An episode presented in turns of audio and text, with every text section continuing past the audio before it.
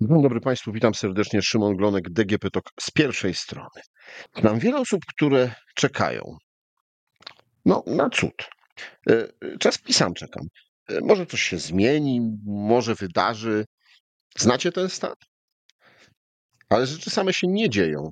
E, Więc co zrobić, żeby zmienić nasze życie, żeby poprawić jego komfort? O to zapytał Annę Mochnaczewską, e, psycholożkę, psychoterapeutkę, autorkę książki Nawyki zamiast cudów. Dzień dobry. Dzień dobry, witam serdecznie. Nawyki. Przecież to takie nudne. Tylko dziwacy mają nawyki. E, Czy nawyki to nie przypadkiem natręctwa? Nie, to jest trochę co innego. Natręctwa to jest coś, co czujemy przymus, że musimy robić, a nawyki bym powiedziała, że społecznie nam się mogą negatywnie kojarzyć z dyscypliną, natomiast ja, czyli z powtarzalnością pewną, e, ale bardziej taką intencjonalną, a nie przymusową. Natomiast e, przez to, że mogą mieć też tą negatywną konotację, ja w tej książce chciałabym to trochę odczarować. Mhm. E, Prosto y, zmienić nawyki albo mm, posiąść nowe, nauczyć się, właśnie nie wiem, jak, jak to nazwać, żeby no, mieć te nowe nawyki. E, Czy to jest proste? Ja bym powiedziała tak. W pierwszej kolejności w ogóle musimy e, zdać sobie z tego sprawę, że w ogóle mamy różnego rodzaju nawyki. Nawet jeżeli, e, nie wiem, myślimy o tym, że jesteśmy trochę nierozgarnięci i żyjemy w chaosie, to nadal w tym chaosie pewne nawyki są. One mogą być niepomocne, żeby jakoś ten chaos ogarnąć. Więc to jest jakby pierwszy etap, do, żeby zdać sobie sprawę z tego, że każdy z nas jakieś nawyki posiada, chociażby nabyte z naszych wczesnych etapów życia. A kolejne etapy to, to, nie, jest, to nie są proste etapy.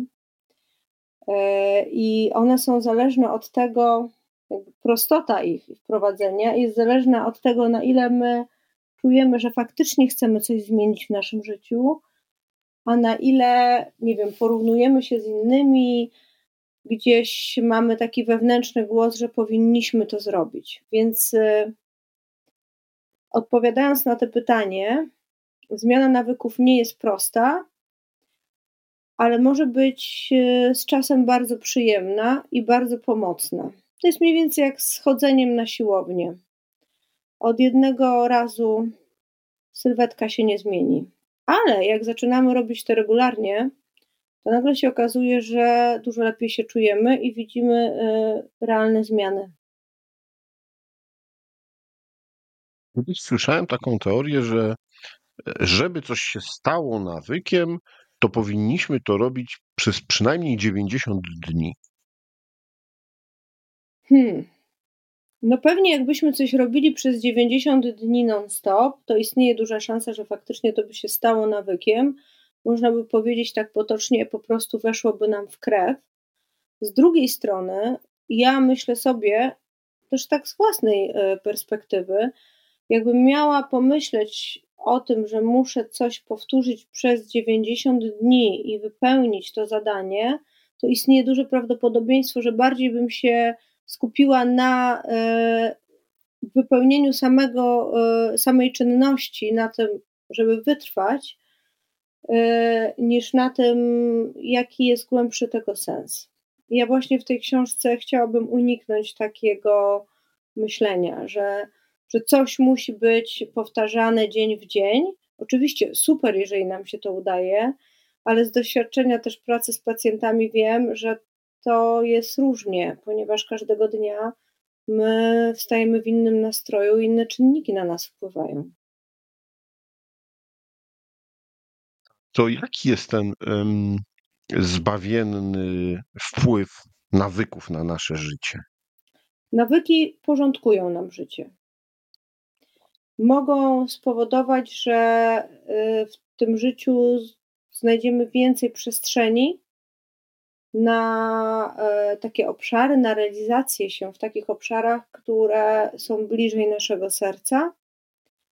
E, dzięki nawykom możemy w ogóle lepiej się odnajdywać sami ze sobą, lepiej wiedzieć, kim tak naprawdę jesteśmy.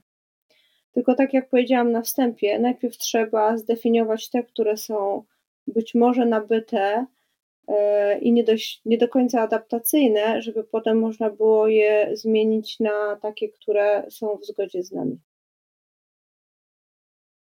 W książce, albo jeszcze inaczej, mhm.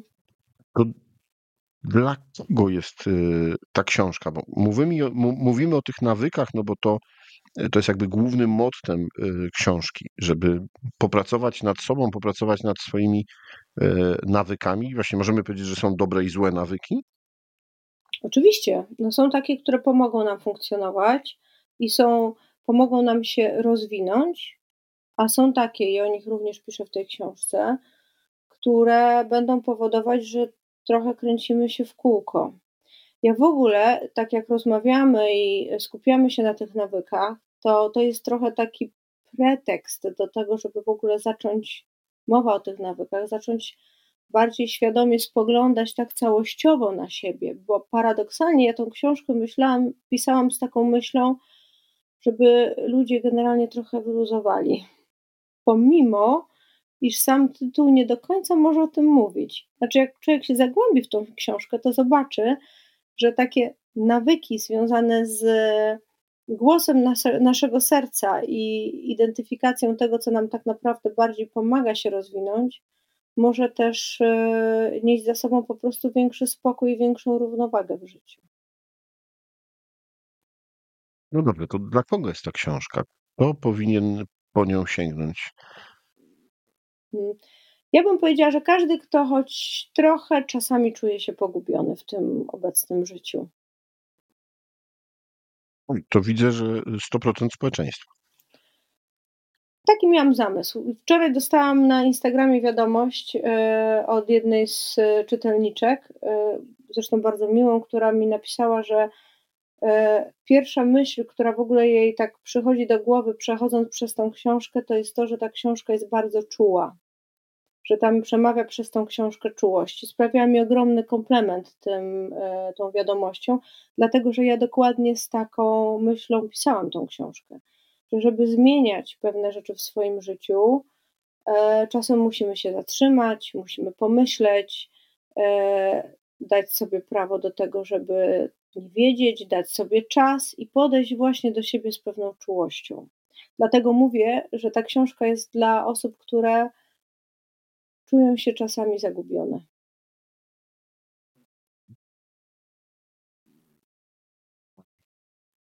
Znała Pani takiego stwierdzenia zdrowy dorosły? Mhm. E, takiego określenia, zresztą to jest też jeden z podtytułów e, jednego z pierwszych rozdziałów. Mhm. Mm. Polacy, ja wiem, że to nie jest tak możliwe powiedzieć en masse, ale czy jako społeczeństwo mamy wielu albo większość zdrowych dorosłych? Powiem tak, i tak i nie. W sensie ja, tak jak piszę w tym rozdziale, mm, myślę sobie, że każdy z nas y, w różnych aspektach życia ma ten tryb zdrowego dorosłego. Y, I to są takie części, które się objawiają w sytuacji, kiedy zaczynamy jakoś siebie, o siebie troszczyć, czy w których e, budujemy zdrowe relacje, w których mm, nie wiem, realizujemy jakieś swoje cele, ale oczywiście życie niesie ze sobą różne niespodzianki i mm, różne też trudne momenty. I w tych trudnych momentach ludzie się, mogłam powiedzieć, tak wysypują. Jak mamy zbyt silne emocje, mm, czujemy się zagubieni, to wtedy może być tak, że tego zdrowego dorosłego czasem może przy nas brakować. Ja myślę, że jesteśmy coraz zdrowszym społeczeństwem. Tak bym do tego podeszła. Że na pewno, e, no teraz trochę może wprowadzę generalizację, ale myślę, że jesteśmy mocno straumatyzowanym społeczeństwem przez e, naszą historię. Mm, ale coraz lepiej zaczynamy sobie z tym radzić właśnie poprzez to, że coraz więcej osób szuka pomocy, chodzi na terapię, e, w ogóle sięga do tego, żeby jakoś zrozumieć swoją historię i, i na różne sposoby takie zdrowe szukać tej równowagi.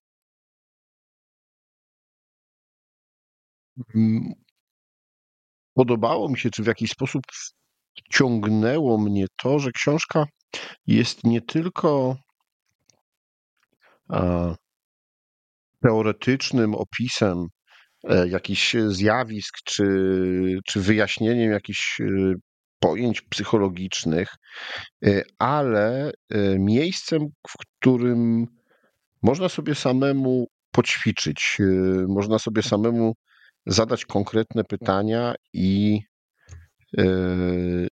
odpowiedzieć na nie, dowiedzieć się czegoś o sobie, od razu też właśnie mając tą podstawę, e, nazwijmy ją teoretyczną. Mhm. Ale tak się zastanawiam, e, czy to nie jest tak, że osoby, które może są mniej świadome, może um, to będzie ich pierwszy kontakt z książką dotyczącą psychologii, dotyczącą rozwoju, będą się czuły, nie wiem, pogubione albo Mm, no, e, mogą wyciągnąć mm, jakieś błędne wnioski z tych swoich takich e, autoterapii, powiem tak. Mhm. Po pierwsze, ta książka e, nie zastąpi nam terapii. To jest oczywiste. Ta książka ma tylko rozszerzać nam perspektywę. Stąd są te pytania. Po drugie, ja bardzo mocno podkreślam w tej książce, że nie ma złych odpowiedzi i mało tego, zachęcam czytelnika do tego, żeby wracał do tych pytań. I może być tak, że oczywiście jednego dnia dane pytanie jest trudne, innego dnia odpowiedź na nie przyjdzie nam z łatwością, na przykład, albo y, mniej czasu będziemy na to potrzebować. Mało tego, jeszcze dodam jedną rzecz. Zachęcam y, do tego, żeby wracać do tych pytań, ale na przestrzeni dłuższego czasu nie na takiej zasadzie, że spróbuję sobie odpowiedzieć tu i teraz w trakcie czytania, tylko że na przykład za 2-3 miesiące wrócę do tego, co napisałam, napisałem w tych odpowiedziach i, i spojrzę na te odpowiedzi też zupełnie z innej perspektywy, być może kilku miesięcy. Zamysł jest taki, że my się zmieniamy na przestrzeni naszego życia, choćbyśmy tego chcieli czy nie, to tak będzie. Ze względu na to, że doświadczamy różnych rzeczy, kontaktujemy się z różnymi ludźmi, różne sytuacje mają na nas wpływ i to również nas zmienia. Więc e, chciałabym tutaj uczulić, że tu nie ma złej perspektywy, nie ma złej interpretacji, jest interpretacja na tu i teraz. Ja myślę, że ta książka może rozjaśnić niektóre obszary, ale może też na przykład zachęcić do tego, żeby nad niektórymi z nich e, po prostu pójść i popracować z profesjonalistą. A kiedy powinna się czytelnikowi, nie wiem, zapalić taka lampka? Okej, okay, może rzeczywiście samemu e, nie rozwiąże, e, albo powinienem gdzieś dalej poszukać w sobie odpowiedzi i, i jednak, no właśnie, poprosić kogoś o pomoc. Ja myślę, że w takich sytuacjach, kiedy yy, odpowiadając na te pytania, pomimo iż wstęp, tak jak Pan zauważył, jest pewien wstęp trochę teoretyczny, trochę bym powiedziała z życia wzięty, Czyli tam jest taki kierunek, jak zdrowy dorosły mógłby myśleć o danych obszarach. Kiedy widzimy, że bardzo trudno może być nam to zmienić, kiedy mamy e, dużo odpowiedzi, w których te odpowiedzi godzą w nas samych, e, i przez to no, pojawiają się trudne do przeżycia dla nas emocje, jak na przykład bezradność, niemoc, to myślę sobie, że nie ma co się męczyć, tylko w ogóle w życiu, nie tylko czytając tę książkę, ale w ogóle w życiu, jeżeli czujemy, że utknęliśmy w jakimś punkcie, to już na szczęście żyjemy w czasach, w których nie trzeba wszystkiego załatwiać samemu. Warto jest praktykować proszenie o pomoc. Słucham i mm, trochę się uśmiecham, bo przypominam sobie swoje dzieciństwo i, e, i patrząc na moich rówieśników, na mnie, myślę, że e, nie byliśmy za bardzo tego uczeni.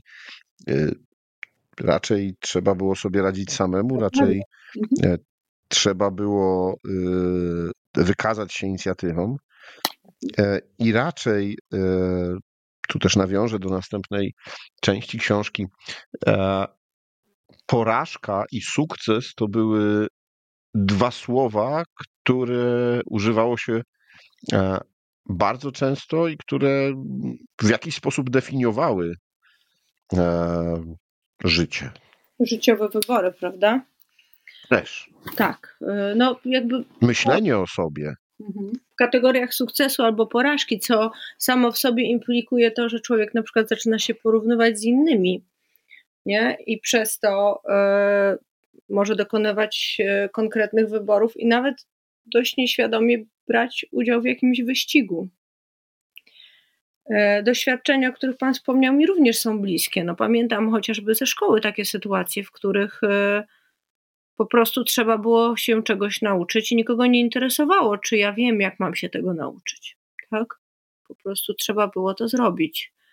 I różnymi sposobami, oczywiście, człowiek e, prędzej czy później dojdzie do jakiegoś tam celu, może bardziej lub mniej usatysfakcjonowany. Mm, Natomiast y, nawiązując do porażki sukcesu, no właśnie ja między innymi w tej książce chciałabym zdjąć to poczucie presji. E, Dlatego powiedziałam, że ta książka jest dla wszystkich, którzy czasem czują się zagubieni, bo naprawdę można się nieźle pogubić, na przykład e, mm, myśląc o swoim życiu w kategoriach sukcesu i porażki, bo w dużej części tracimy wtedy kontakt tak naprawdę z samym sobą, goniąc za jakąś marchewką.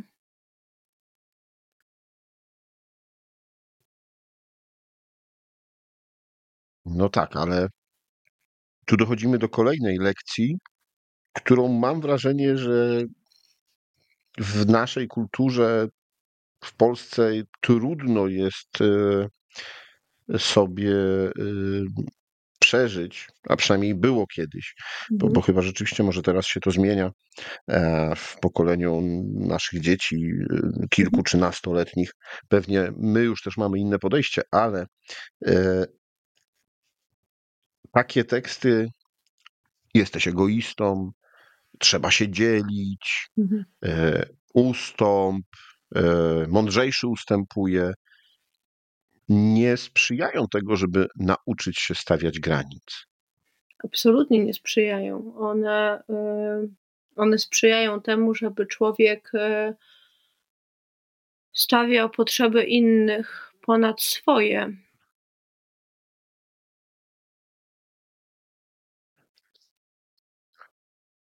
No to jak się wyzwolić z tego, że, że nie jest się egoistą, tylko myśli się w zdrowych Mhm. e, kategoriach e, o swoich potrzebach?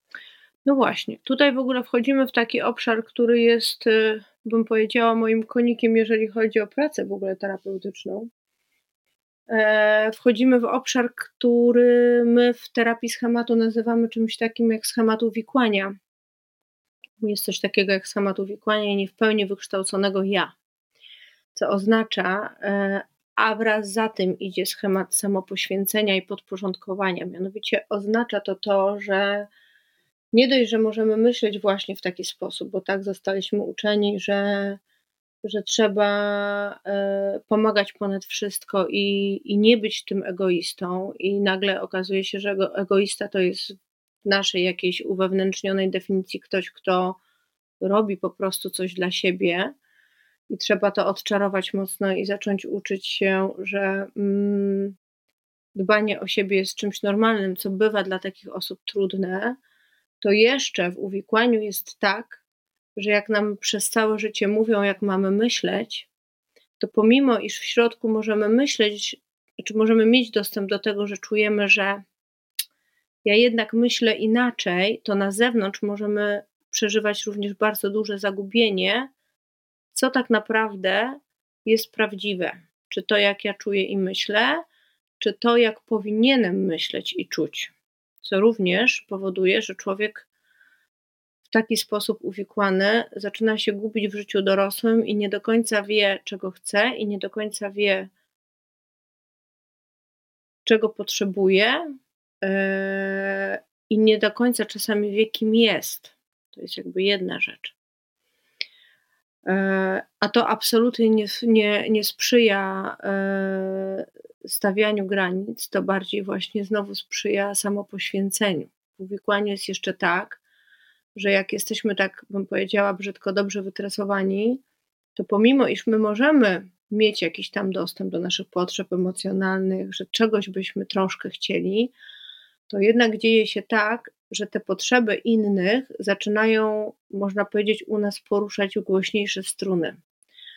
I tym sposobem zaczynamy trochę z poczucia winy, trochę z poczucia odpowiedzialności, bym powiedziała nawet nadodpowiedzialności za innych, E, często wbrew własnej woli skupiać się na tych potrzebach zewnętrznych po prostu innych osób. Mm, ja tutaj e, od razu mam ochotę postawić takie pytanie: no dobra, to po pierwsze, gdzie jest granica tego pomagania i kto ma się zająć tobą?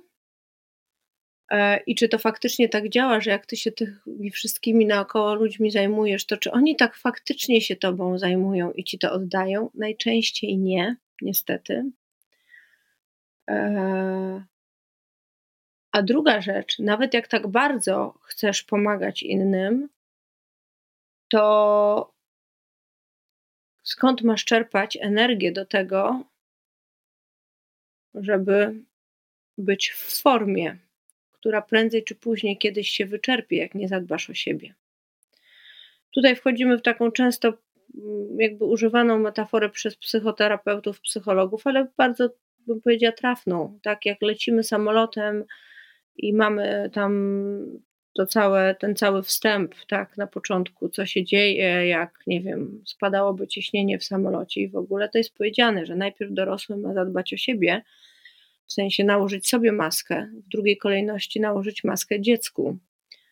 E, no bo jak straci przytomność, to już dziecku nie pomoże. I tu jest trochę też podobnie. To jest taki komunikat dla osób, które mają jednak dość duży problem z tym, żeby zadbać o siebie i postawić te granice. E, żebyśmy mieli energię do życia i e, czuli, że to życie idzie w dobrym kierunku, to musimy mieć kontakt ze sobą. A żeby mieć ten kontakt ze sobą, to też musimy mieć kontakt z własnymi granicami. Jak mieć kontakt ze sobą, jak postawić te granice, y, ale też jak na przykład mieć y, fajne wakacje i nauczyć się odpoczywać, mhm. E, to żebyście Państwo poznali odpowiedzi na te pytania e, i też e, poćwiczyli to sobie, zachęcam do przeczytania e, książki pani Anny Mochnaczewskiej Nawyki zamiast cudów. Serdecznie dziękuję za dzisiejszą rozmowę i mam nadzieję, że zachęciliśmy Państwa do tego, żebyście e, przeczytali tą książkę. Również dziękuję bardzo i mam nadzieję, że będzie przydatna w wielu domach. A to było DGP Talk z pierwszej strony. Rozmawiał Szymon Glonek. Do usłyszenia.